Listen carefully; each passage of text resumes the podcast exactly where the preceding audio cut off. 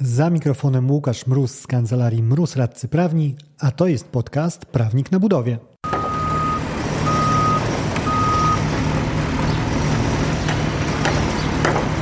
A dlaczegoż się spotykamy? Spotykamy się przedświątecznie, przedbożonarodzeniowo, żeby porozmawiać o ryczałcie po raz kolejny.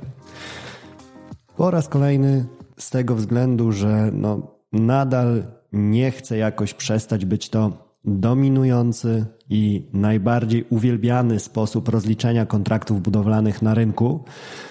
Tak nawet jak się zastanowię, nie do końca pamiętam, e, kiedy ostatni raz przeszła mi przez ręce umowa dotycząca innego rozliczenia niż e, ryczałtowe. Fakt, powiedzmy, nie takie stricte ryczałtowe, bo inne pomysły się zdarzają, ale chociażby obmiaru takiego czystego dość dawno w relacji między inwestorem a wykonawcą nie widziałem. E, z rzeczy organizacyjnych, dla tych, którzy oglądają to na żywo, a nie słuchają jako podcastu, tak, już jak Państwo zauważyliście, dorobiłem się nowego golfa, golfa golfu.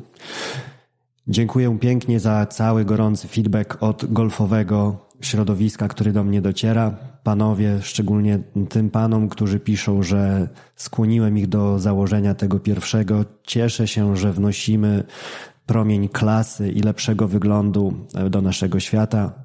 Dobra robota, róbmy to dalej. Przechodząc do rzeczy. Pięć mitów ryczałtu, tak bodaj nazwałem to nasze dzisiejsze spotkanie. I o mitach porozmawiać chciałbym, ponieważ mimo tego, że ten model ryczałtowy jest z nami od bardzo dawna i jest stosowany bardzo powszechnie, nadal odnoszę wrażenie, że są takie dziury, jeżeli chodzi o jego rozumienie, pewne uproszczenia, pewne kolejny intelektualne, które przez lata prowadzenia kontraktów się ukształtowały, a które nie do końca wynikają z tego, jak ten model ma działać, i jak działa. I właśnie na te tematy porozmawiamy dzisiaj. Pięć takich mitów e, weźmiemy na warsztat. Zaczynając od pierwszego z nich, czyli mit numer jeden. Zakładany przez inwestora efekt finalny wyznacza zakres robót do wykonania.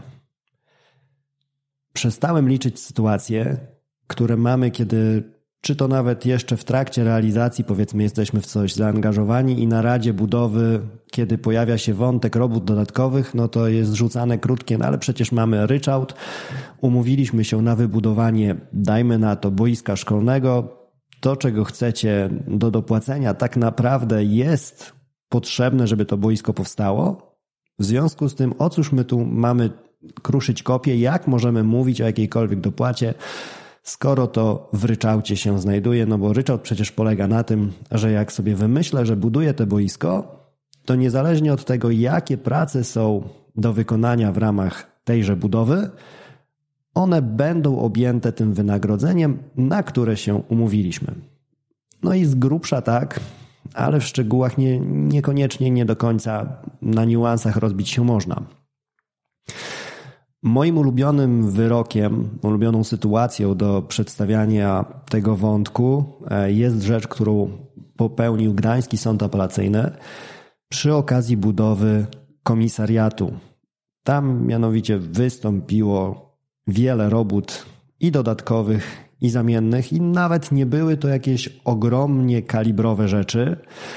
Niemniej pula tych wszystkich elementów sumarycznie złożyła się na tyle, że była to całkiem niemała wartość w relacji do wynagrodzenia wykonawcy i to była wartość, której on nieszczególnie chciał ze swojej kieszeni wyrzucać, wolał dostać rozliczenie od zamawiającego z tego tytułu. No ale od zamawiającego dostał właśnie tą prostą odpowiedź, trafił na tą ścianę w postaci, ale o czym my tu rozmawiamy, skoro ryczałt te roboty, które ty, wykonawco, nazywasz dodatkowymi czy zamiennymi, de facto są elementem mojego obiektu, są elementem komisariatu, no więc siłą rzeczy są wykonane w ramach ryczałtu. I troszkę pobawię się dzisiaj z wami w cytowania, w cytowanie chociażby właśnie z tego wyroku, żeby pokazać, jak sądy na to patrzą, tak żebyśmy nie musieli przerzucać się tak na dobrą sprawę jeszcze na placu budowy przy mm, rozmawianiu o robotach dodatkowych w ryczałcie, jakimiś tam argumentami niezbyt trafnymi, które i tak później w procesie sądowym nie szczególnie chwycą. Jeżeli chodzi o ten wątek, sąd stwierdził chociażby mądrą rzecz taką. Zakres przedmiotu umowy nie może być determinowany przez odwołanie się wyłącznie do tego, jaki miał być efekt końcowy umówionych robót. Czyli to, o czym mówiłem, ok, umawiamy się na komendę, stadion, drogę, e, halę produkcyjną. Jakikolwiek ten efekt finalny ma być, idea ryczałtu nie sięga tak daleko, że jest to taka jak piątka w Makao, powiedzmy, piątka na wszystko, wszystko na piątkę. Że to taki wehikuł, w który hasłowo rzucamy czego chcemy, kwotowo określamy ile na to wydamy, wpisując kwotę wynagrodzenia w umowie. I w tym momencie właściwie jako inwestor mogę sobie wygodnie założyć ręce za głowę, wyciągnąć się na krześle, bo swoje zrobiłem i cała mm, reszta martwienia się o tą inwestycję. To jest już sfera martwienia się nie moja jako inwestora, a wykonawcy. OK, to dlaczego nie można? No bo jeżeli jesteś powiedzmy ze strony inwestorskiej, czy mówiąc szerzej z tej strony, która zleca robotę, no bo na ryczałt może się przecież umówić tak, że wykonawca z podwykonawcą, dlaczego sąd stwierdził, że nie tędy droga i to jest rozumienie ryczałtu o tyle proste i przyjemne, co nietrafne? Nie można zaakceptować stanowiska, że skoro zgodnie z umową stron miał zostać wykonany określony obiekt, to efekt końcowy w postaci tego obiektu przesądza o tym, że wszystkie prace wykonane przez wykonawcę, również te wskazane przez niego jako częściowo nie mieszczące się w przedmiocie umowy, były objęte tą umową tylko dlatego, że ogólnie stwierdzono w niej, że umowa w ramach ryczałtu obejmuje wszystkie niezbędne do osiągnięcia umówionego celu pracy. I znowu, to jest element z pewnością Wam nie obcy, coś, co konsekwentnie przewija się w tych kontraktach ryczałtowych. Wyrażany jest bardzo wprost właśnie ta idea, że z samego faktu, że wykonujemy ten obiekt, to wykonujemy go kompleksowo i tak dalej, i tak dalej. I wszystko, co jest do wykonania, to jest w ramach ryczałtu. No i jest to omawiane na miliardy różnych sposobów, szerzej, bardziej wąsko bardziej kwieciście, mniej poetycko, ale idea zawsze jest ta sama. To, o czym mówi tutaj sąd, czyli ogólnie stwierdzamy, że umowa w ramach ryczałtu obejmuje wszystkie niezbędne do osiągnięcia umówionego celu pracy. No i później z tego pada oczywisty argument, że przecież coś takiego podpisaliśmy, na coś takiego się umówiliśmy, no i takie są nasze zasady gry. I dalej sąd wyjaśnia nadal jakby tą wiedzę wciskając w głowę inwestora w tym sporze, który ostrzygał, nie można zgodzić się z twierdzeniem inwestora, że konieczność wykonania robót niewskazanych wprost w umowie mieściła się w ramach ryzyka kontraktowego, a wykonawca jako profesjonalista powinien był skalkulować inne prace nie wynikające bezpośrednio z projektu, ale niezbędne do wykonania obiektu w postaci komisariatu policji. Znowu, argument, który nie raz, nie dwa zdarzyło się Wam zapewne słyszeć, czyli no cóż, skoro twierdzisz wykonawco, że coś jest do zrobienia, a mamy model ryczałtowy, no to z samej istoty wynika, że to jest objęte modelem ryczałtowym, bo on obejmuje wszystko, co zrobione być powinno. Nie, znowu, przesadny skrót, taka kolejna intelektualna i nie za bardzo o to chodzi. Na konferencji CD-rowej bodajże już e, z dwa lata temu w jej trakcie przeprowadzono takie ankiety wśród uczestników. One dotyczyły szerokiego spektrum problemów, ale tam między innymi pojawiała się kwestia, skąd się biorą bolączki na placu budowy e, i duża część uczestników podpisała się pod takim stwierdzeniem, że prawnicy, czyli tacy ludzie jak ja, mają już za dużo do powiedzenia w procesie inwestycyjnym. Czytaj te ich paragrafy i tak dalej, i tak dalej, psują nam robotę i no, spory są, no bo mamy tam prawników, którzy czegoś od nas oczekują i życie nam utrudniają.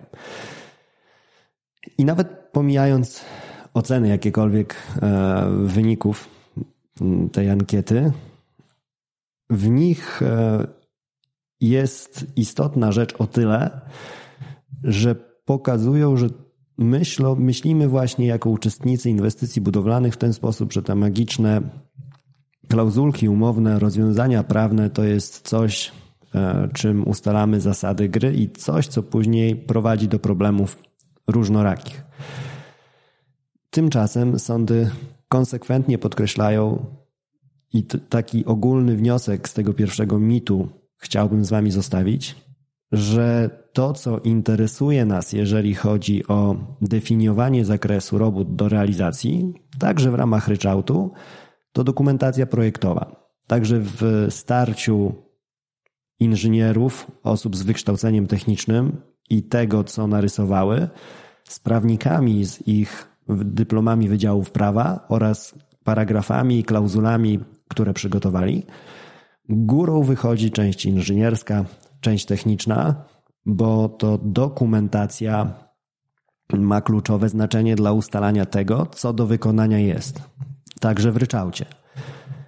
I to tam szukamy odpowiedzi na to, czy dane roboty ja jako wykonawca będę musiał zrealizować w ramach ryczałtu, czy też jeżeli zdecyduję się je zrobić, to dostanę z tego tytułu dodatkowe pieniądze na konto. Ponad to, co umówiliśmy jako kwotę ryczałtu właśnie.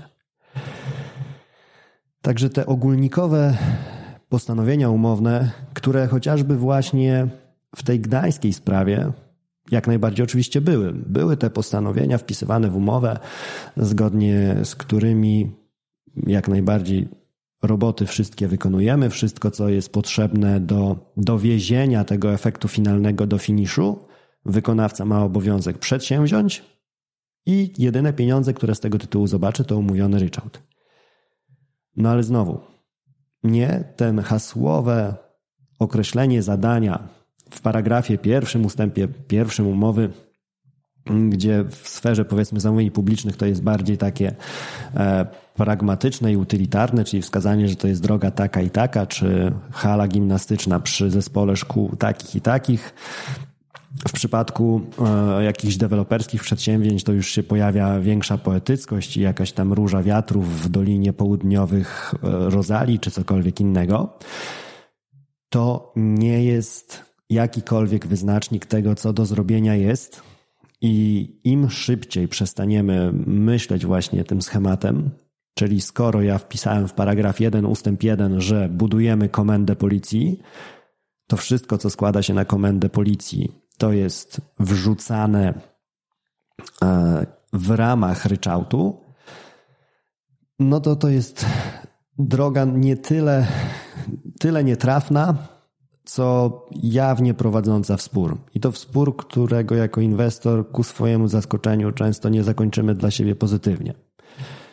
E, jeżeli chodzi jeszcze, kończąc wątek tej nadrzędności dokumentów, nadrzędności inżynierskości nad prawniczością, tak to powiedzmy, Tutaj pan Ernest podzielił się komentarzem, że zgadzam się w 100%. Do umowy sięgamy tylko na wypadek sporu, który wynika z wątpliwej jakości dokumentacji. I tak, rzeczywiście to właśnie nierozwiązane kwestie dokumentacyjne będą często tą praprzyczyną, takim pierwszym zapalnikiem tego, że po latach spotykamy się w najczarniejszym scenariuszu na sali rozpraw E, czy też w mniej czarnym po prostu psują nam się relacje w kontenerku i ktoś tam komuś do kawy pluje na Radzie Budowy, no bo nie możemy dogadać się co do pieniędzy.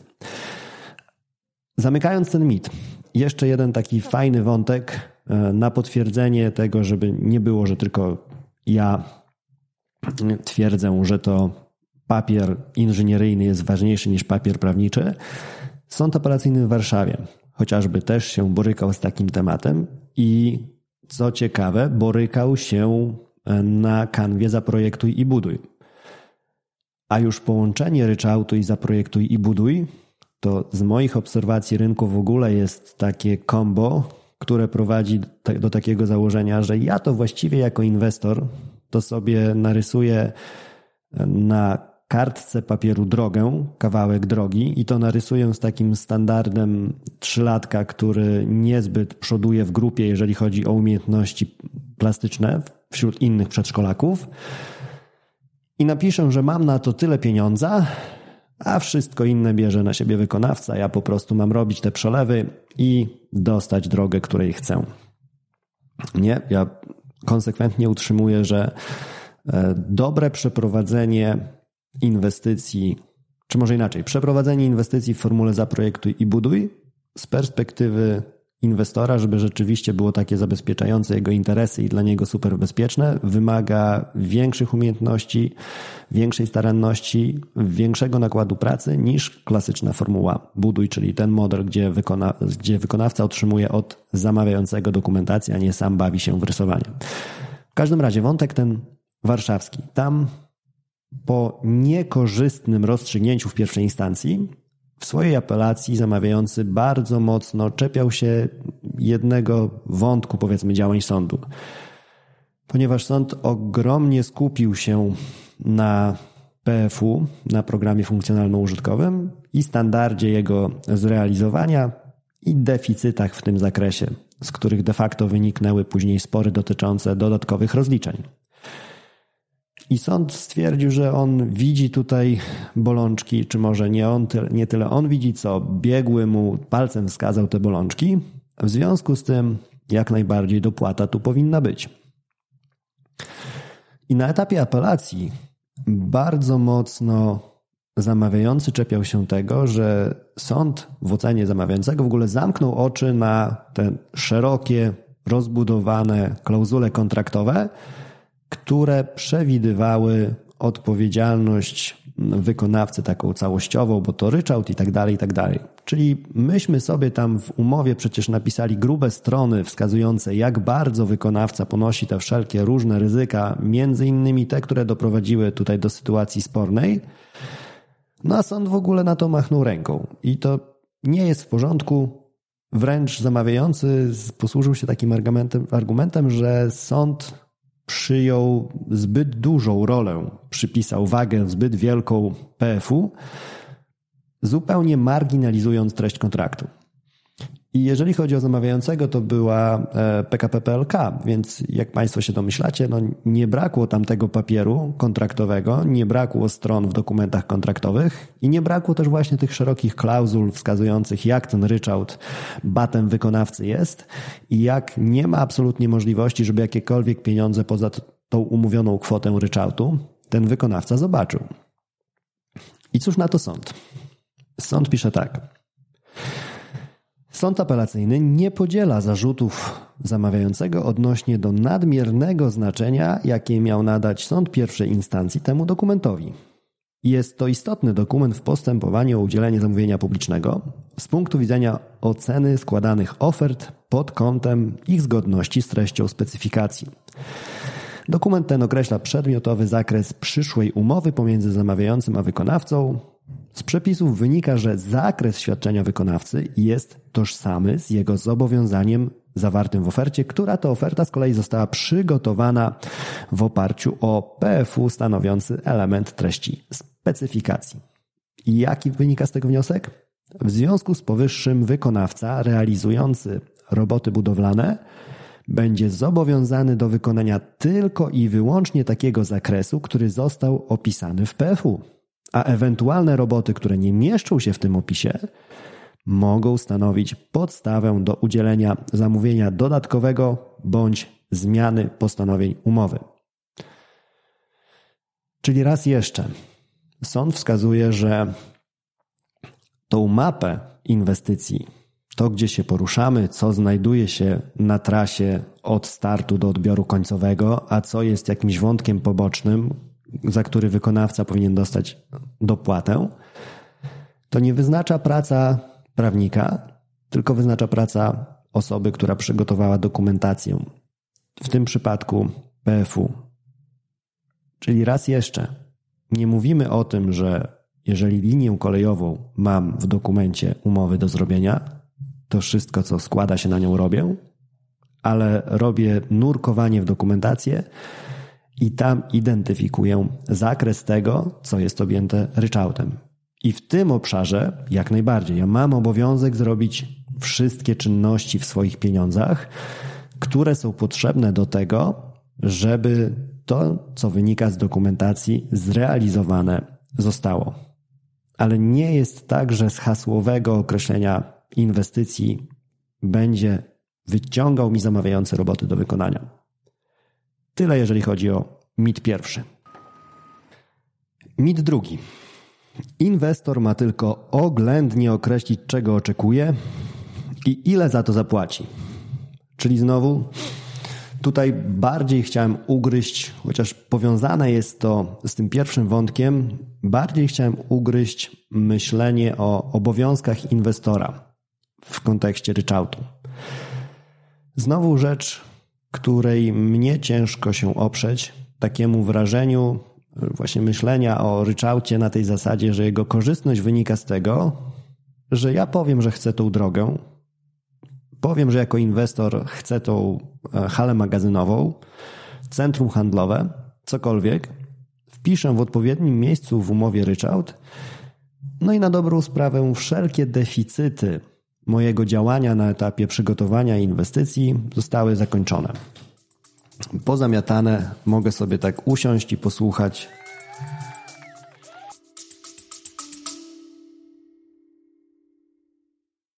Wracam na trasę szkoleniową. Z Akademią Kontraktów Budowlanych, czyli swoim autorskim szkoleniem, odwiedzę cztery miasta. 23 lutego Katowice, 13 marca Poznań, 19 kwietnia Warszawa i 10 maja Gdańsk. Wszystkie detale i szczegóły o rejestracji znajdziesz na stronie prawniknabudowie.com ukośnik Akademia. Raz jeszcze luty Katowice, marzec Poznań, kwiecień Warszawa, maj Gdańsk. Akademia Kontraktów Budowlanych, strona internetowa prawniknabudowie.com, ukośnik Akademia. Do zobaczenia.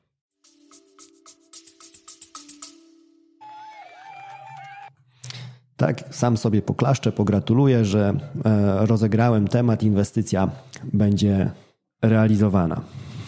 I znowu, nie tędy droga to, co jest do wykonania przez inwestora, to jest odpowiednie zdefiniowanie tego, co właśnie do wykonania jest przez wykonawcę. I nie ma tutaj e, dróg na skróty polegających na tym, że mnie się właściwie nie chce i ten ryczałt to ze mnie zdejmuje jakiekolwiek obowiązki. Nie, także w tym modelu inwestor ma swój wkład we współpracę i on nie ogranicza się do uprawnień później w czasie realizacji, wskazywania wykonawcy, co ma zrobić, dlaczego i tak dalej, ale też zakłada pewną dozę obowiązków. Obowiązków chociażby właśnie w definiowaniu zadania. Dlaczego? No to już od lat Sąd Najwyższy i sądy apelacyjne i inne sądy za nim powtarzają taką myśl ogólną, można rzucić jako taką pozycję wyjściową, ryzyko gospodarcze wynikające z niedostatecznego opisu przedmiotu zamówienia obciąża zamawiającego i nie może zostać przerzucone na wykonawcę. O tym przerzucaniu jeszcze porozmawiamy, bo to ogromnie ważny element. Ale to, co wpisuje się w ten mit, o którym mówię, to właśnie jest wynikający z tego podejścia obowiązek precyzji w definiowaniu tego, czego wymagamy od wykonawcy. I co się stanie, jeżeli tego standardu nie spełni inwestor? I tutaj znowu z odpowiedzią śpieszy Sąd Najwyższy, pisząc tak. Ocena ryzyka powinna być możliwa na podstawie opisu przedmiotu zamówienia z uwzględnieniem innych okoliczności, w szczególności wizji lokalnej. W związku z czym, jeżeli dokumentacja, w tym specyfikacja, nie zostały sporządzone w jasny i jednoznaczny sposób, zaś wizja lokalna nie dawała, nie dawała podstawy do zakwestionowania opisu przedmiotu zamówienia i zwrócenia uwagi zamawiającemu, ryzyko nieprzewidzianych zdarzeń obciąża zamawiającego, a nie wykonawcę. I znowu, taką najogólniejszą myślą, takim jednozdaniowym podsumowaniem tego mitu, z którym chciałbym Was zostawić, jest to, że tak, ty, drogi inwestorze, przyjmując formułę ryczałtu, idziesz w korzystnym dla siebie kierunku. To jest model, który ma zabezpieczyć Twoje interesy. Ale poniekąd warunkiem kupienia sobie tych zabezpieczeń, tej korzystnej sytuacji, jest to, że Twoją taką opłatą wpisową jest właśnie precyzyjne definiowanie, czego Ty właściwie chcesz. I nie jest tak, że możesz bawić się w takie projektowanie samolotu w trakcie lotu. Czyli dobra, to względnie wiem, że chcę mieć samolot, ruszamy na pas startowy, odrywamy się od ziemi, a to, jakie będą detale, jakich rozwiązań, jeżeli chodzi o konstrukcję, o silniki, o wyposażenie kabiny użyjemy, to my sobie to w czasie lotu gdzieś tam będziemy definiowali. Nie. Wykonawca w ogóle, zanim będzie się czekinował na bramce, musi mieć już świadomość, czym on ma lecieć. I tego, znowu, tego wymogu nie obejdziemy jakimiś ogólnikowymi postanowieniami umowy. I nie jest też tak, że z ryczałtu wynika komfort odejścia zamawiającego inwestora od tego wymogu. Czyli nie jest tak, że mogę sobie pozwolić na brak precyzji przy braniu na siebie ryczałtu. A ja osobiście odnoszę wrażenie, że właśnie to jest jedna z tych takich przyzwyczajeń mentalnych, czyli no dobra, nie będziemy się tam bawić w bolączki, nie będziemy, nie musimy się jako zamawiający, jako inwestor zastanawiać szczególnie nad tym, czy na pewno nie ma tam żadnych problemów z przygotowaniem tej inwestycji, no bo to ryczałt to i tak wykonawca będzie musiał się z tym uporać. Nie, nie będzie musiał. To nie, nie tędy droga i nie tak kupuje się ryzyko ryczałtu.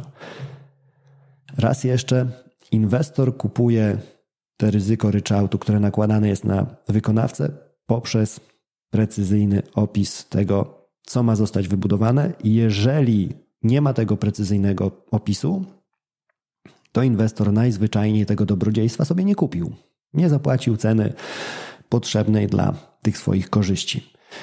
I bardzo fajnie na ten temat e, pisał w takim dość świeżym wyroku Sąd Okręgowy Stołeczny, który wskazał tak. Warunkiem niezmienności wynagrodzenia ryczałtowego jest to, aby przyjmujący zamówienie, oszacowując zakres koniecznych czynności, konieczne koszty ich wykonania i w konsekwencji wartość robót, którą strony umówiły w ramach wynagrodzenia ryczałtowego, dysponował rzetelną informacją na temat zakresu i charakteru robót. Znowu, te ryzyka wykonawcy nie są takim bezwarunkowym, bezrefleksyjnym elementem ryczałtu. Ich przyjęcie jest obwarowane pewnym warunkiem. Tym właśnie warunkiem w postaci precyzji w opisie tego, co budowane ma być. I dlaczego? Znowu, jeżeli znaleźliby się powątpiewający, no bo przecież e, ryczałt działa tak, że to ja jako inwestor mam mieć spokój, już tłumaczę słowami sądu tego samego. Przeciwne rozwiązanie doprowadziłoby do sytuacji, w której w rzeczywistości, zawierając umowę, wykonawca przejmuje na siebie wszelkie koszty związane z inwestycją zamawiającego, niezależnie od ich wysokości i tytułów, z jakich powstały. Doszłoby w ten sposób de facto do sfinansowania inwestycji zamawiającego w dużej mierze ze środków wykonawcy. Ryzyko związane z wynagrodzeniem ryczałtowym, choć ze swej istoty znaczne, nie może obejmować swoim zakresem takiej sytuacji i nie może być pojmowane jako nieograniczone. Widzę pytanie, czy sygnatury będą dostępne dla subskrybentów. Tak, sygnatury te, one w większości nawet już wrzucałem do grupy facebookowej z prawnikiem na budowie.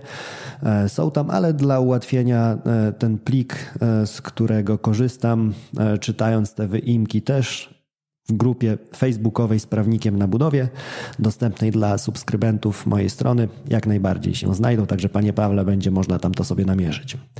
Nie obiecuję tylko, czy zdołam to jeszcze, zdołam się zmobilizować, żeby to zrobić przed świętami ale może w, w ramach prezentu podchoinkowego i po zakończeniu webinaru na szybko to przerzucę.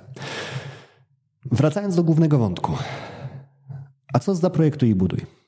No bo jeżeli znowu, tak jak mówiłem, jeżeli ryczałt postrzegany jest właśnie jako to rozwiązanie, w którym duży pakiet bólu głowy inwestora przepychany jest przez samą ideę ryczałtu na wykonawcę, o tyle w przypadku zaprojektu i buduj to w ogóle jest już postrzegane jako ten, taka bezpieczna przystań zamawiającego, bezpieczna przystań inwestora, w którym nie boli go absolutnie nic i może powiedzieć tylko prostu hasłowo, że chce mieć drogę. Droga ma być, ona ni grosza na domówione pieniądze nie zapłaci. E, tutaj bardzo wiele rozjaśnia, bardzo wiele rzuca światła taki medialny spór kolejowy mostów Łódź z miastem Łódź. Jak do niego wracam dość regularnie, bo no, dobrą robotę tam zrobił sąd, jeżeli chodzi o takie spojrzenie z zacisza gabinetu sędziego na realia polskiego budownictwa. I te spojrzenie, szczerze mówiąc, do zbyt optymistycznych wniosków z sędziów, którzy wydawali tutaj orzeczenie, nie doprowadziło. W każdym razie oni też taką istotną myśl wyrazili, którą gdzieś tam wyboldować sobie w głowie warto. Rozbudowanie bowiem zadań obciążających wykonawcę w ramach wynagrodzenia ryczałtowego wymaga szczególnie precyzyjnego ustalenia zakresu wyceny tychże robót. Znowu, wiem, że się powtarzam, ale no, taką mam koncepcję, że jeżeli rozmawiamy o mitach, no to rozbicie tych przyzwyczajeń wymaga pewnego powtarzania, no, pewnego e, powielania tych rzeczy, które wydają się nieintuicyjne i wydają się wręcz w sprzeczności z modelem ryczałtowym, a tak na dobrą sprawę bardziej wynikają z tego, że ten model przez szereg lat był nie najszczęśliwiej postrzegany, nie zupełnie tak, jak zapisany w przepisach jest. I jeszcze drążąc ten temat samego zaprojektuj i buduj. Zamawiający błędnie interpretuje mm, zapisy kontraktów w formule zaprojektuj i buduj, tak zwana żółta książka filik, zakładając, że wszelkie ryzyko ponosi wykonawca i powinien wkalkulować to w cenę. Kropka. Tak nie jest. Kropka. Znowu do wyboldowania. Jednym z podstawowych ryzyk zamawiającego w tego typu kontrakcie jest innymi ryzyko związane z jakością, to jest poprawnością, jednoznacznością, czytelnością i zrozumiałością materiałów przetargowych, w tym głównie PFU sporządzonych przez zamawiającego. Raz jeszcze, tak, bawimy się w powtarzanie, tak, kupuję szeroki zakres przez precyzyjne opisywanie, co jest do wykonania tak, ja jako zamawiający mam to zdefiniować odpowiednią dokumentacją. Wracając do sądu, żółta książka, o której najczęściej w Polsce mówi się zaprojektuj i buduj, przenosi elementy ryzyka na wykonawcę, ale pod warunkiem, że PFU zostanie przygotowany zgodnie z wymogami. Nic nowego. To, o czym mówimy od startu. Ok, jest ryczałt, są jego obostrzenia, ale to są obostrzenia warunkowe. Warunkowane tym, jak zachowa się zamawiający, jak zachowa się inwestor na etapie przygotowania inwestycji, który niesie po jego stronie obowiązki i odpowiedzialność za ich niedowiezienie. No i tutaj sąd kończy takim gorzkim wnioskiem, że zamawiający generalnie wychodzą z założenia, że skoro rozliczenie umowy ma nastąpić na podstawie wynagrodzenia ryczałtowego, to w istocie zasadnicze ryzyko realizacji inwestycji w ramach tych środków spoczywa na wykonawcy. No ja czuję się troszkę lepiej, bo ta moja obserwacja nie jest taka osamotniona, jak czytam coś takiego. Sądy też dochodzą do tych wniosków właśnie, że mamy takie te przyzwyczajenia mentalne, które wypaczają to, jak powinna wyglądać współpraca stron, które wypaczają też to, jak wygląda E, zakres ryczałtu. Mit trzeci. Przedmiary. I to, że przedmiar pozbawiony jest jakiegokolwiek znaczenia. Punktem wyjścia tutaj uczyńmy to, że rzeczywiście w realiach wynagrodzenia ryczałtowego przedmiar czy też kosztorysy jakieś składane przez wykonawcę to nie jest papier, w który powinniśmy się wyposażać, jeżeli chcemy porozmawiać o robotach dodatkowych.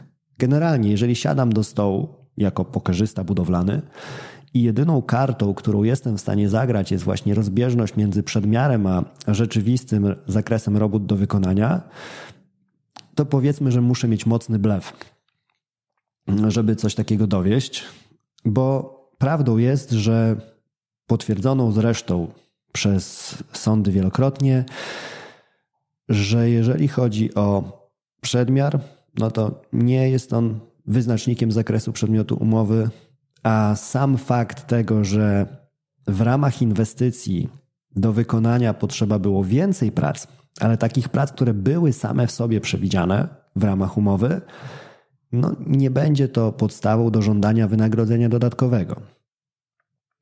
Ale tutaj znowu sądy wchodzą w taką rolę korygującą rynek. To będzie dobre ujęcie tego sformułowania.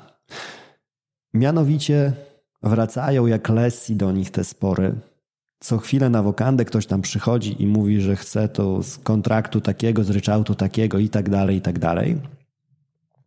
No i doszły sądy powoli do przekonania, że troszkę temu rynkowi trzeba pomóc e, zadziałać, bo nieszczególnie daje się tutaj ucywilizować. Skoro sam nie chce zachowywać się w sposób cywilizowany, to my jako sądy pozwolimy mu zachować tą cywilizowaną jakość współpracy.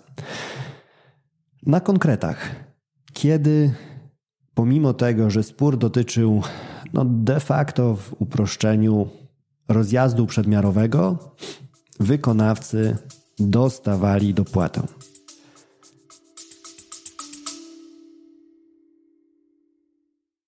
Jeżeli podoba Ci się odcinek, którego słuchasz, mam ogromną prośbę. Wspomnij komuś z branży budowlanej o tym podcaście. Razem dotrzemy do większej liczby osób z branży. Z góry dzięki.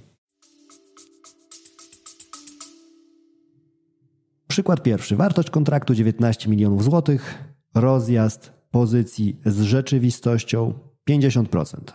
3 miliony zamiast dwóch do poniesienia przez wykonawcę. Rezultat sąd zasądza dopłatę. Ten dodatkowy milion na rzecz wykonawcy. Wartość kontraktu znowu 19 milionów, inna inwestycja rozjazd pozycji z rzeczywistością. Tu już było kilka przypadków, a nie tylko jedna pozycja i sięgały od kilkunastu do 50%. Łącznie dało to sumę 880 tysięcy złotych. Nie mało. Rezultat? Znowu zasądzenie dopłaty na rzecz, podwykonaw- na rzecz wykonawcy, mimo że ryczałt, mimo że przedmiar i tak dalej, i tak dalej. Dalej wartość kontraktu 23 miliony, rozjazd pozycji, znowu w tym przypadku jednej tylko, 19%, z tego urodziła się ponad 300 tysięcy i to było 300 tysięcy, które również inwestor zobowiązany został przez sąd do dopłacenia wykonawcy. Znowu, ryczałt jak najbardziej był, postanowień umownych dotyczących jego sztywności też nie zabrakło, dopłata się znalazła. No i przykład ostatni, e, kontrakt mniejszy dla tych z Państwa, którzy robią mniejsze roboty, wartość kontraktu 2,6 miliona. Tam już się pozycja z rzeczywistością rozjechała o 160%, też się urodziło około 300 tysięcy. No i tutaj sytuacja była nieco inna, no bo to nie był spór o dopłatę, a wykonawca po prostu postawił na swoim, zaparł się mocno i stwierdził, że on jest absolutnie przekonany, że mówimy o robotach dodatkowych, więc on nie zamierza ich realizować stanął z realizacją. Zamawiający wykopał go z placu budowy, obciążył go karami za odstąpienie, pociągnął je z gwarancji i tutaj był spór o karę umowną właśnie i pieniądze pociągnięte z gwarancji. Suma summarum sąd stwierdził, że to wykonawca miał rację i to rzeczywiście były roboty dodatkowe, nie były objęte umową, więc do czasu ich powierzenia aneksem wykonawca nie mógł, a wręcz nie powinien był realizować tych robót dodatkowych. I jak najbardziej, jeżeli zamawiający chciałby, żeby to ten wykonawca je zrealizował, to powinien mu te 300 tysięcy dopłacić.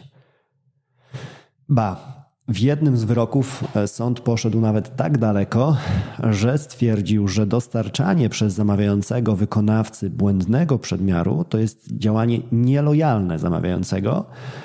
I co istotne, podkreślił, że nie ma tu w ogóle znaczenia, na ile można przypisać winę takiemu zamawiającemu. No bo umówmy się, często wręcz w 9,99 przypadków na 10 tam nie będzie żadnej złej woli, po prostu zamawiający weźmie segregatory z dokumentacją od firmy projektowej, przekaże je wykonawcy i tyle będzie jego wkładu. Więc nie to, że wprowadza tego biednego wykonawcę na pole minowe świadomie, tylko przekazuje to, co sam dostał. No i ten argument często pada, że właśnie jak mnie jako inwestora można obciążać tutaj jakąś odpowiedzialnością, jak ja no, na dobrą sprawę niczego złego nie zrobiłem, po prostu dałem papier, który sam otrzymałem od profesjonalistów. Gdzie tu jakieś moje uchybienie? I pod tym kątem właśnie sądy nie tylko w tej, w tej sprawie, ale i w innych można znaleźć takie przykłady, gdzie sądy podkreślają, troszkę idąc na skróty, szczerze mówiąc, tak czysto prawniczo, ale suma summarum według mnie, tak etycznie dobierając dobre rozwiązanie, czyli nie ma znaczenia, drogi inwestorze, twoja wina w tym, że dokumentacja, którą przekazałeś, była błędna. Sam fakt, że to ty jesteś stroną, która odpowiada za przygotowanie inwestycji, decyduje o tym, że właśnie twoje papiery czy papiery przez ciebie przekazane niewłaściwie powinny obciążać ciebie, a nie wykonawcę. Znowu, mnie jako sama taka ogólna idea rozkłada, rozkładu e, ryzyka, w tym także w modelu ryczałtowym, opcja taka przekonuje i cieszę się, że coraz częściej w sądzie można ją usłyszeć. Tyle, jeżeli chodzi o ten mit. Widzę, że jest tutaj e, też pytanie dotyczące rozbieżności między projektem a e, kosztorysem. W takich tarciach projekt będzie tym adresem, w którym powinniśmy się dopatrywać odpowiedzi. To on będzie e, zwierzchnim dokumentem. Pan Artur pyta też o to, czy można wystąpić z roszczeniem do firmy projektowej za zły przedmiar. Jeżeli pyta inwestor, to roszczenia jak najbardziej ma, no bo ma umowę. Jeżeli zdoła przypisać firmie projektowej odpowiedzialność, wykazując, e, że właśnie jest nie tak, jak być powinno, a ta firma nie zwolni się z odpowiedzialności, wskazując, że no nie ma jej winy w tym, że nie ma jeden do jednego e, przedmiar chociażby nie odpowiada rzeczywistości, to te roszczenia jak najbardziej będą. No gorzej wygląda Sytuacja z perspektywy wykonawcy, bo jego z firmą projektową nic nie wiąże i trudno byłoby mu w ogóle poszukiwać jakiejś ewentualnej podstawy do tego, żeby zapukać do drzwi projektanta. I zresztą jest to jedna z przyczyn, dla których właśnie sądy ujmują się trochę za wykonawcami, właśnie jeżeli chodzi o te przerzucanie odpowiedzialności w jedną bądź drugą stronę, w stronę wykonawcy bądź inwestora, to też jest nie bez znaczenia właśnie świadomość, że inwestor jest tym podmiotem, z którym zawarł umowę z projektantem, no i może się przynajmniej z nim pokłócić, a wykonawcę no, z tym projektantem to za bardzo nic nie łączy. Ok, to przejdźmy do mitu czwartego. Zostajemy przy dokumentacji. Mit numer cztery. Defekty dokumentacji projektowej nie pozwalają na zwiększenie wynagrodzenia. I tutaj troszkę wyjdziemy, powiedzmy, z wysokiego poziomu i będziemy wchodzili na takie bardziej szczegółowe wątki. Te wyjście z wysokiego poziomu, znowu oddając głos Sądowi Najwyższemu, Wykonawca nie może być obciążony ryzykiem wad dokumentacji projektowej ani ryzykiem wykonania prac koniecznych do realizacji zamówienia w dokumentacji tej nieprzewidzianych, a wiążących się ze znacznymi kosztami. Ogólna myśl, która wraca w sądach, znowu, ok, możemy mieć ryczałt, ale to ty, drogi inwestorze, odpowiadasz za przygotowanie inwestycji, Dokumentacja projektowa to jest obszar Twoich obowiązków, w związku z tym to Ty ponosisz za nią odpowiedzialność. I istotny jest ten element nie tylko stwierdzenia, że to jest sfera odpowiedzialności, sfera finansów, sfera konsekwencji pieniężnych zamawiającego, ale tego, że wykonawca nie może być nią obciążony. No bo ta żonglerka obciążeniami, no to jest praca właśnie moja i moich kolegów, koleżanek po fachu, czyli próby salwowania się ucieczką od jakości dokumentacji przez lepszą jakość rozwiązań kontraktowych, roz, rozumianych jako paragrafy, które są zapisane. Znowu, nie za bardzo tędy droga i podsypując jeszcze dodatkowe wypowiedzi Sądu Najwyższego. Ryzyko gospodarcze z nie, wynikające z niedostatecznego opisu przedmiotu zamówienia obciąża zamawiającego, który nie może go przerzucić na wykonawcę. Czyli mamy wyrażone to bardzo wprost. A w ogóle na nowym PZP, no bo inwestycje publiczne są bardzo wdzięcznym polem, które generuje hurtowe ilości tych sporów e, i też bardzo wiele, no wiadomo, że jeden do jednego to nie będzie, ale bardzo wiele z tych sporów później trafia na wokandę, w związku z tym no, sektor publiczny ma swój duży wkład w ustalanie orzecznictwa, e, dlatego też jeżeli chcielibyście spędzić kiedyś wieczór, stwierdzając na przykład, że dobra, te 72 godziny z rodziną w czasie świąt to zdecydowanie za długo i bardziej porywającą perspektywą jest już rzucenie się w ramiona orzecznictwa i przeglądanie listy wyroków, to zauważylibyście taką prawidłowość, że właśnie ogromna liczba z tych orzeczeń, gro ich zapadło na kanwie zamówień publicznych.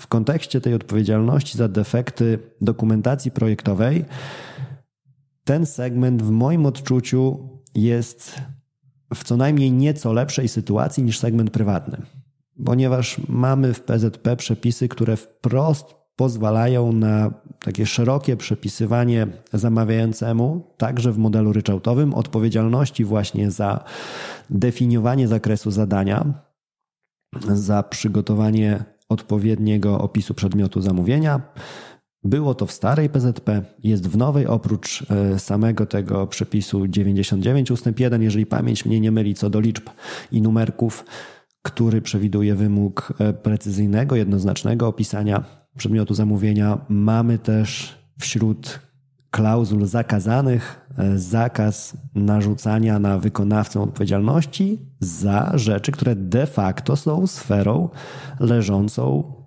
w interesie zamawiającego, leżącą po jego stronie. I pojawiają się już takie pierwsze ciekawe orzeczenia Krajowej Izby Odwoławczej, które no, zdziwić mogą zamawiających, które, którzy do nich dotrą. Dwa chociażby, które zwróciły moją uwagę w ostatnim czasie.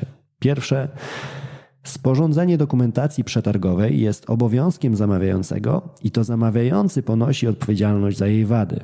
Wykonawcy przed złożeniem ofert mają obowiązek zapoznać się z tą dokumentacją i mogą żądać wyjaśnień jej treści, jak też mogą kwestionować jej treść w drodze odwołania. Niemniej, nie może to oznaczać przerzucenia odpowiedzialności za prawidłowość wykonania tej dokumentacji na wykonawców. I wyrok numer dwa za niedopuszczalne w świetle artykułu 433 punkt 3 PZP należałoby uznać takie postanowienia umowne, które nakładałyby na wykonawcę odpowiedzialność za wady dokumentacji projektowej, którą zamawiający przekazał wykonawcy w celu realizacji zamówienia.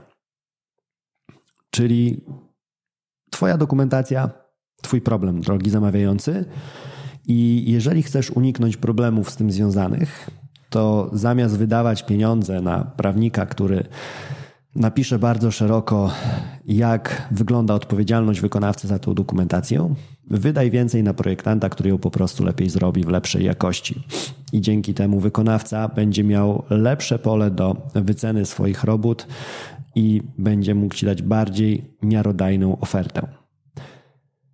I tutaj wchodzimy w sferę problematyczną dotyczącą całego obszaru klauzul odpowiadających e, tej potrzebie rynku, żeby to jednak wykonawca był tą stroną, która bierze na barki błędy dokumentacji. I to sam w sobie jest wątek na oddzielne spotkanie. To, co na dzisiaj chciałbym przekazać. Może wyjdźmy w ogóle od takiego modelu domyślnego. To, co wynika z orzecznictwa sądów, jak one patrzą na ten wątek.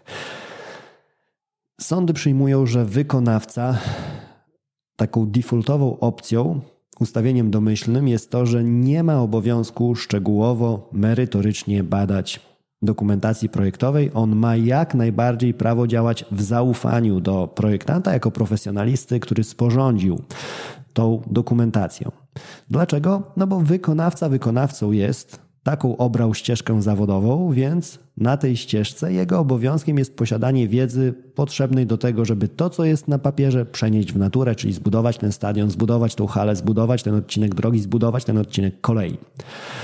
Gdyby chciał natomiast zostać projektantem, to właśnie nim by został. I wtedy miałby specjalistyczną wiedzę z zakresu projektowania, miałby know-how co do tego, jak prowadzić wyliczenia.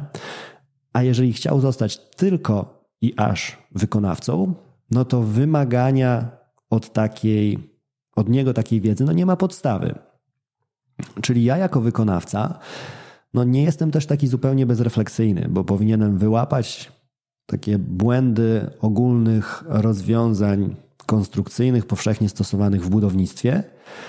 Niemniej moja staranność kończy się tam, gdzie zaczyna się właśnie potrzeba dokonywania specjalistycznych obliczeń czy posiadania wiedzy z zakresu projektowania.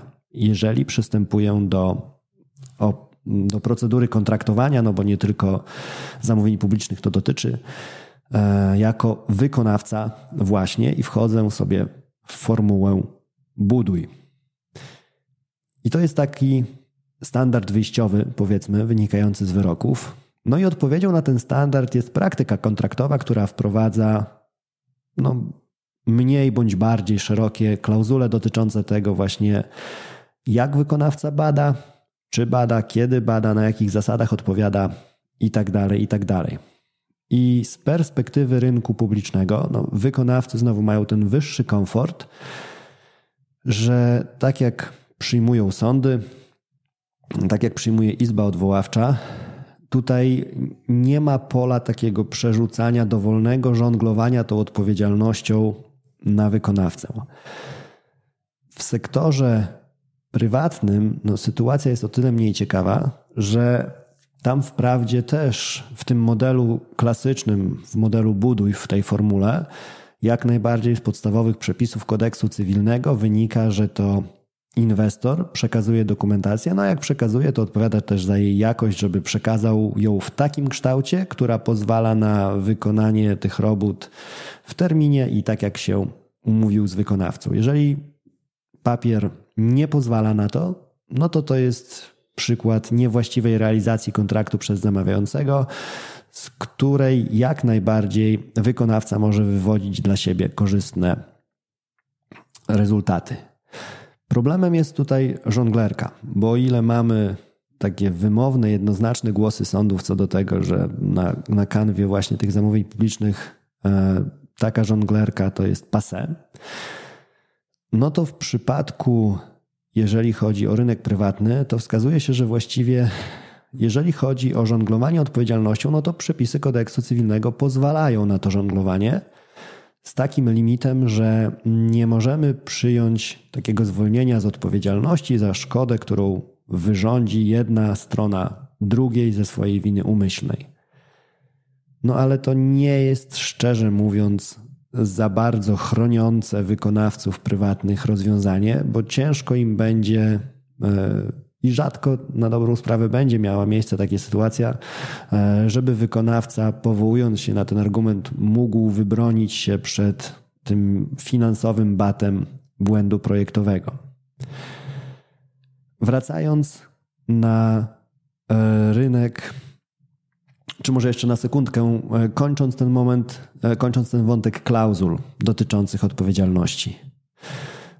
Bardzo ostrożnie trzeba podchodzić do tego, co podpisujemy, szczególnie na rynku prywatnym, ale też bardzo wnikliwie i to zarówno z perspektywy inwestora, jak i wykonawcy trzeba podchodzić do tego, co tak naprawdę wynika z takiej klauzuli. Bo sam fakt, że jak hasłowo wpiszę, że zweryfikowałem dokumentację, wykonawca zweryfikował dokumentację i potwierdza możliwość realizacji przedmiotu umowy w ustalonym terminie oraz w ustalonym wynagrodzeniu, to z perspektywy zamawiającego wcale nie musi tak definitywnie na klucz i pięć spustów zamknąć drzwi wykonawcy do wynagrodzenia dodatkowego, jak bardzo chciałby tego inwestor. I tutaj niuanse już sformułowań decydują o tym, co będzie wynikało z takiego postanowienia, bo chociażby już lata całe temu, w 2011 bodajże roku, gdzieś tam KIO popełniła z kolei taki wyrok, którym wskazała, że nawet złożenie takiego oświadczenia o prawidłowości i komplementności przekazanej dokumentacji nie oznacza, że obowiązek weryfikacji dotyczy merytorycznej kontroli projektu przez wykonawcę. Podobnie, jeżeli mamy umowę jakąś tam generalnego wykonawcy inwestycji deweloperskiej ze swoim podwykonawcą, to jeżeli wrzucę tam hasłowo, że ten, tenże podwykonawca wskazuje, że on tą dokumentację zbadał i potwierdza, że jest OK, no to znowu, cóż to oznacza, że zbadał, z jakim standardem zbadał i co on chciał przez te podpisanie się pod takim badaniem wyrazić.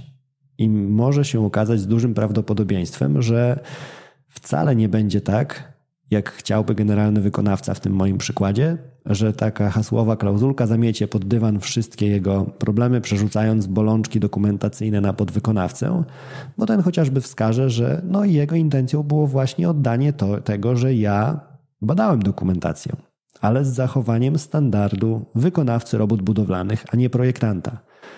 I badając z tym standardem, tych błędów, które tam były, wykryć nie mogłem, no bo one wymagały wiedzy z zakresu projektowania. Także słowa i przecinki mogą tutaj zadecydować o bardzo wielu rzeczach. I kończąc ten mit, wracając już w specyfikę rynku zamówień publicznych, bo kolejny wyrok dotyczący inwestycji właśnie z tego obszaru. Wyrok istotny, ważny, w którym strony kłóciły się co do tego, jak rozumieć umowę. Bo bezspornym było, że wysypał się problem, który był nie do przewidzenia dla żadnej ze stron. Mianowicie przy inwestycji drogowej, tam gdzie zamawiający zakładał, że będzie potrzebne jedynie wzmocnienie gruntu, okazało się, że potrzebna jest jego wymiana. I znowu, ważna rzecz w trakcie sporu, jedna i druga strona była zgodna co do tego, że to w praktyce takie stuprocentowe określenie sobie, gdzie jest e, rzecz, do, gdzie jest grunt do wymiany, gdzie jest do wzmocnienia, no przy inwestycjach liniowych będzie nie do realizacji. Czyli mamy obszar takiego nieprzewidywalnego ryzyka, no i był tylko spór co do tego, czy można nim żonglować i kto powinien ponosić za te ryzyko odpowiedzialność, kto powinien zapłacić, jeżeli się ono ziści. Zamawiający twierdził, że wykonawca, bo podpisał się pod licznymi postanowieniami umowy, to był dosłownie taki blok na niemalże jedną stronę wskazujący wszelkie możliwe borączki przerzucane na wykonawcę i to, jak bardzo on się pod tym podpisuje. Natomiast wykonawca wskazywał, że on rozumie te swoje zobowiązanie wyłącznie w kontekście rzeczy, które w ogóle są stwierdzalne, bo tylko co do takich mógł się zadeklarować. I tym istotnym wątkiem z perspektywy naszego spotkania jest tutaj rozważanie sądu na temat tego, czy w ogóle takie niestwierdzalne problemy z dokumentacją, no bo to, co zrobić z gruntem w dokumentacji, właśnie się znajduje, można przerzucić z ramion zamawiającego na ramiona wykonawcy. Jak do tego tematu podszedł sąd? Podszedł tak, że nie, nie można i gdyby znalazło się w umowie takie postanowienie, to byłoby nieważne. I oddając głos sądowi. Gdyby omówione wyżej postanowienia umowne, czyli te klauzule dotyczące ryzyka, wyłącznie na wykonawcę przeniosły wszelkie ryzyka, w tym związane z wadliwościami projektu, to uchybiałyby zasadzie swobody kontraktowania. Byłyby sprzeczne z zasadami współżycia społecznego z uwagi na naruszenie równej pozycji stron zobowiązania. To zaś, jak słusznie wskazał sąd okręgowy, czyniłoby je nieważnymi, a umowa nie wiązałaby w omawianym zakresie. Również zatem w takiej sytuacji należałoby przyjąć, że wykonawca nie ponosiłby odpowiedzialności za wykonanie tych czynności związanych z realizacją inwestycji, które nie zostałyby przewidziane w dokumentacji projektowej i byłyby niemożliwe do przewidzenia. Mówiąc prościej, jeżeli coś jest niestwierdzalne, to próba wrzucenia tego z zamawiającego na wykonawcę byłaby na tyle nieuczciwa, nielojalna i niesprawiedliwa, że ja jako sąd nie mogę na to wyrazić zgody. W regułach gry rynkowej takie zagranie zasługiwałoby na czerwoną kartkę. I na tym pozytywnym dla wykonawców akcencie i mam nadzieję edukacyjnym dla zamawiających akcencie zakończmy mit numer 4. I został nam już mit ostatni. Mit numer 5. Polski ryczałt. I ubierając to w ogóle w mit, mogliśmy no chyba na dobrą sprawę nawet może od tego zacząć. Postrzeganie w ogóle tego, jak rozliczany powinien być kontrakt ryczałtowy i gdzie są dopłaty, gdzie są obcięcia i tak dalej, i tak. Z rozmów, czy to z wykonawcami, czy z inwestorami, odczytuję, że najbardziej takie powtarzające się znaczenie polskiego ryczałtu jest to, że ten nasz ryczałt wpisywany w umowy prowadzi do tego, że jak zrobię więcej niż się umawialiśmy, to do, dopłaty nie dostanę, na większą kwotę nie mogę liczyć, ale jeżeli zdarzy mi się zrobić mniej, to jak najbardziej obcinka, obniżenie może mnie trafić. Myśl taka podsumowująca, jak dla każdego z tych mitów, że ten polski ryczałt to na dobrą sprawę za bardzo ryczałtem nie jest. To nie jest taki czysty model wynagrodzenia, ten, który jest przewidziany w artykule 632 kodeksu cywilnego.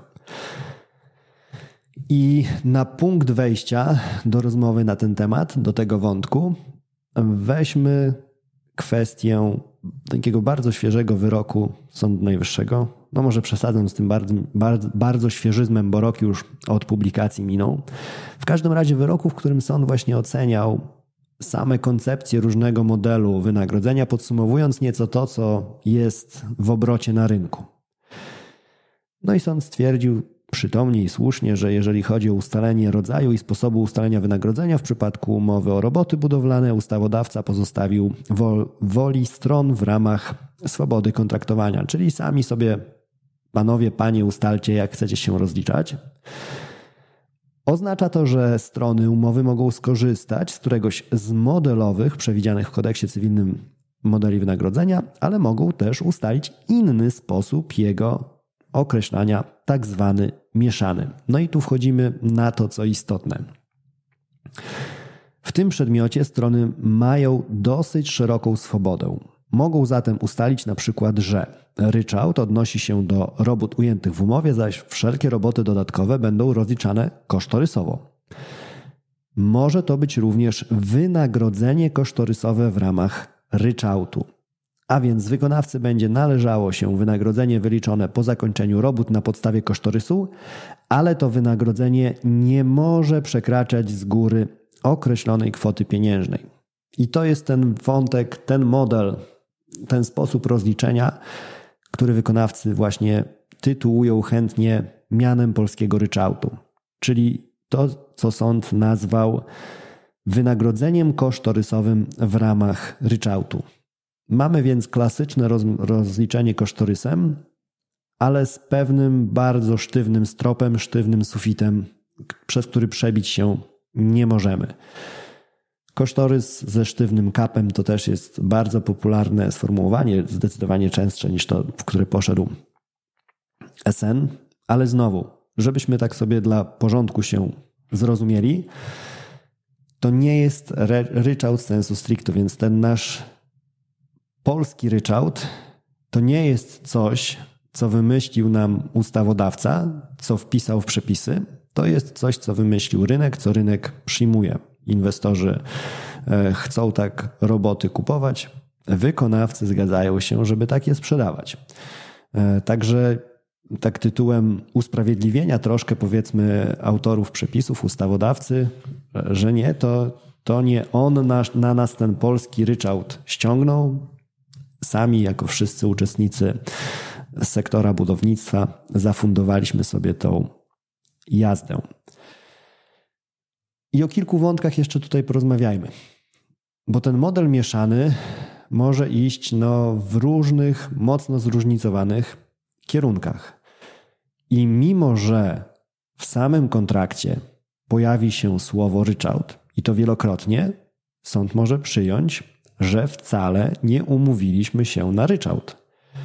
I to nie dotyczy nawet jakichś realizacji malutkich, jakiegoś tam budy, burka, którą inwestor prywatny zlecił, ale bardzo poważnych projektów, które mają zapewniony podmiot realizujący, podmiot e, realizujący w znaczeniu inwestora zamawiającego, który ma duże know-how, całe rzesze żołnierzy prawno-inżynieryjnych, którzy na niejednej inwestycji byli i którzy bardzo szeroko dokumenty kontraktowe formułowali, podkreślając tam właśnie wielokrotnie tą ryczałtowość zryczałtowanego ryczałtu. Żeby znowu nie sypać samą abstrakcją. Przykład z Sądu Najwyższego. Maksymalna kwota wynagrodzenia dotyczyła wyłącznie robót wymienionych w przygotowanej przez zamawiającego tabeli elementów rozliczeniowych. A ostateczna wysokość tego wynagrodzenia miała stanowić sumę iloczynu jednostek obmiarowych i cen jednostkowych wskazanych w wycenie opartej o przedmiar robót. To był temat, w którym wielokrotnie padało określenie ryczałt, na które to określenie powoływał się właśnie zamawiający dla odparcia żądania wykonawcy dopłaty do tego ryczałtu. Ale summa summarum sąd doszedł do wniosku, że okej, okay, tam był ryczałt, ale zryczałtowane to były stawki, a nie globalne wynagrodzenie. Czyli sztywność dotyczyła tego, jaką wartość mają pozycje poszczególne przyjmowane dla rozliczenia – a to jaka globalna kwota pójdzie do zapłaty, no to już jest efekt tychże zryczałtowanych, usztywnionych stawek oraz realnego zakresu robót. I schodząc na troszkę sądowy poziom niżej, sąd apelacyjny z nadmorskiego Szczecina, sąd pierwszej instancji doszedł do przekonania, że podana w umowie kwota wynagrodzenia nie jest ostateczna a wpływ na jej wysokość mają ceny jednostkowe dla poszczególnych pozycji kosztorysu ofertowego, nie podlegające zmianie w okresie realizacji umowy oraz ilości faktycznie wykonanych robót. Zdaniem sądu orzekającego z żadnego postanowienia umowy nie można wywnioskować, że wartość ustalonego w powyższy sposób wynagrodzenia nie może przewyższyć kwoty 23 milionów 150 999 zł i 45 groszy. Znowu, tutaj w umowie pojawiały się elementy tego usztywnienia wynagrodzenia, pojawiła się kwota ta precyzyjnie sformułowana, ale znowu sąd, tak biorąc temat na warsztat, doszedł do przekonania, że no ta finalnie określona kwota to wcale nie jest jakiś tam sufit szklany, który zamyka drogę wykonawcy, a to, co zamykało drogę, jeżeli chodzi o pójście z ceną na północ, no to były pozycje kosztorysu ofertowego. A te 23 miliony to najwyżej była określenie pewne prognozowanej wysokości ostatecznej wynagrodzenia. Więc kolejny element, no ten samo posługiwanie się ryczałtem niejedno ma imię i może się okazać, tak jak tutaj, że ryczałt dotyczył w tych dwóch przypadkach konkretnych stawek, to one były zryczałtowane, a nie wynagrodzenie jako takie.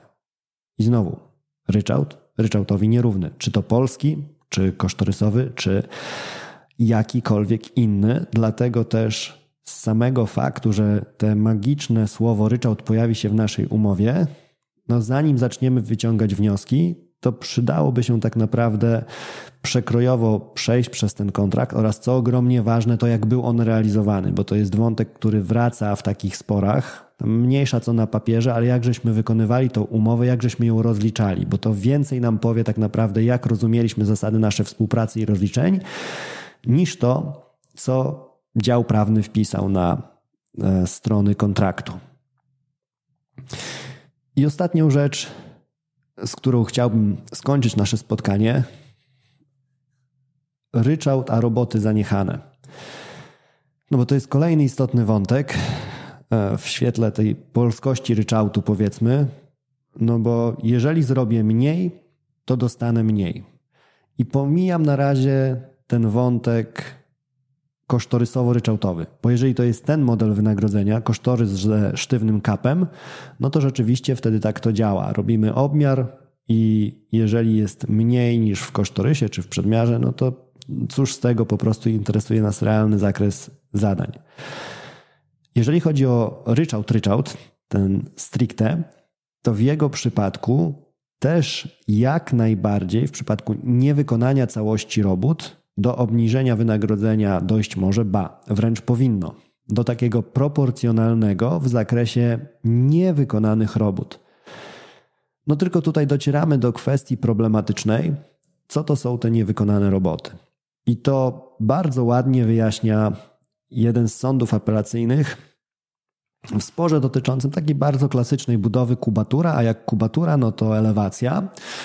I okazało się, że jeżeli chodzi o tą elewację, to zdecydowanie mniej metrów było do zrobienia tejże elewacji niż zakładał przedmiar. Czyli ta rzadsza sytuacja przeszacowania, a nie niedoszacowania zakresu pracy.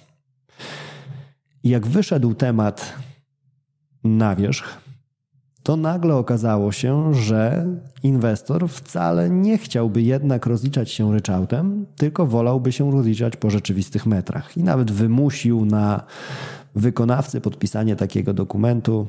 Tym dokumentem był protokół odbioru i to tam wepchnął tak jakby kolanem właśnie ustalenie, że ponieważ tych metrów elewacji było mniej, to strony przyjmują, że rozliczają je powykonawczo na podstawie stawki za metr. Zostawię tutaj na bok taki element kryminalno-budowlany, bo tam było sporo e, takiego mrocznego nacisku, powiedzmy, który sąd bardzo mocno skrytykował i nazwał, mówiąc rzeczy po imieniu, bezprawnym działaniem zamawiającego w relacji do wykonawcy. Tam w ogóle inspektor nadzoru był takim głównym szwarc charakterem tego, tego całego scenariusza.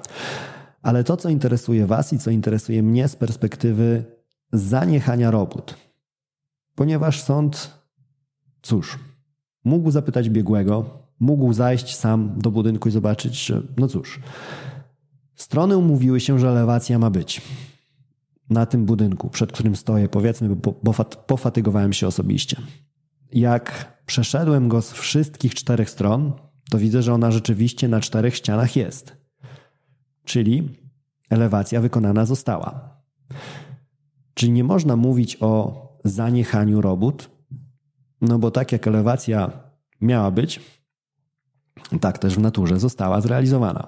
I oddając to sądowi, żeby swoimi słowami nieco bardziej wyszukanymi opisać tą myśl mógł.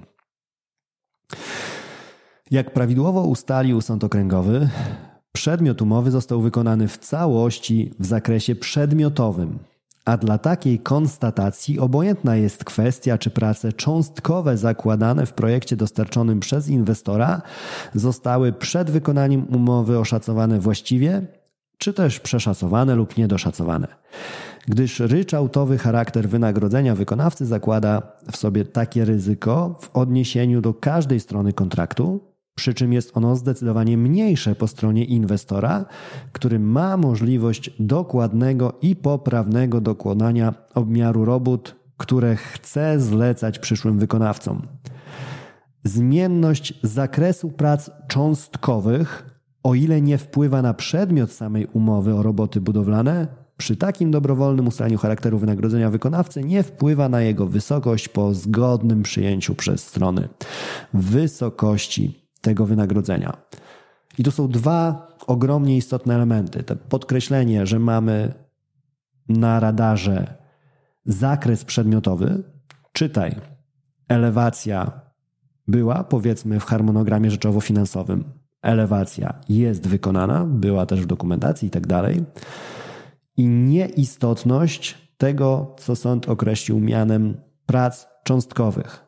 Czyli ile tam będzie metrów styropianu do położenia, ile będzie kleju do wyklejenia, ile będzie czegokolwiek innego, jakie to ma znaczenie? No jeżeli byłoby, dajmy na to, ich więcej niż w przedmiarze, no to przecież wykonawca nie mógłby żądać dopłaty. Bądźmy więc konsekwentni i przyjmijmy, że nie obniżymy mu wynagrodzenia, skoro swoje zrobił. I to jest ostatni z tych mitów, który chciałem omówić. Składa się dobrze, bo komputer właśnie mi sygnalizuje, że bateria mi się kończy. Mam nadzieję, że tym spotkaniem trochę razem odczarowaliśmy te powtarzalne prawdy, które no, mimo częstego, gęstego powtarzania niekoniecznie tak na dobrą sprawę muszą mieć w sobie wiele prawdziwości.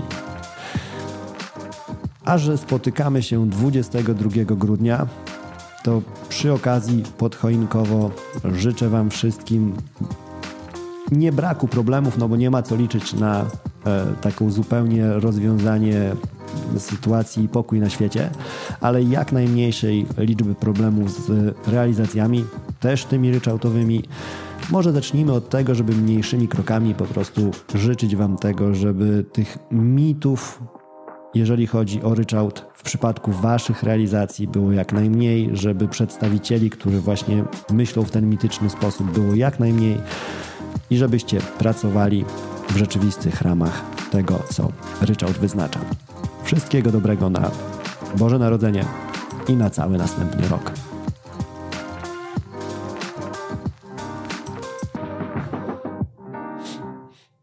Dzięki za odsłuchanie tego odcinka. Jeżeli chcesz się ze mną skontaktować, możesz napisać na biuro małpa albo zadzwonić na 577 665 077. Znajdziesz mnie też w mediach społecznościowych. Na LinkedIn jako Łukasz Mróz, a na TikToku, Facebooku i Instagramie jako Prawnik na Budowie.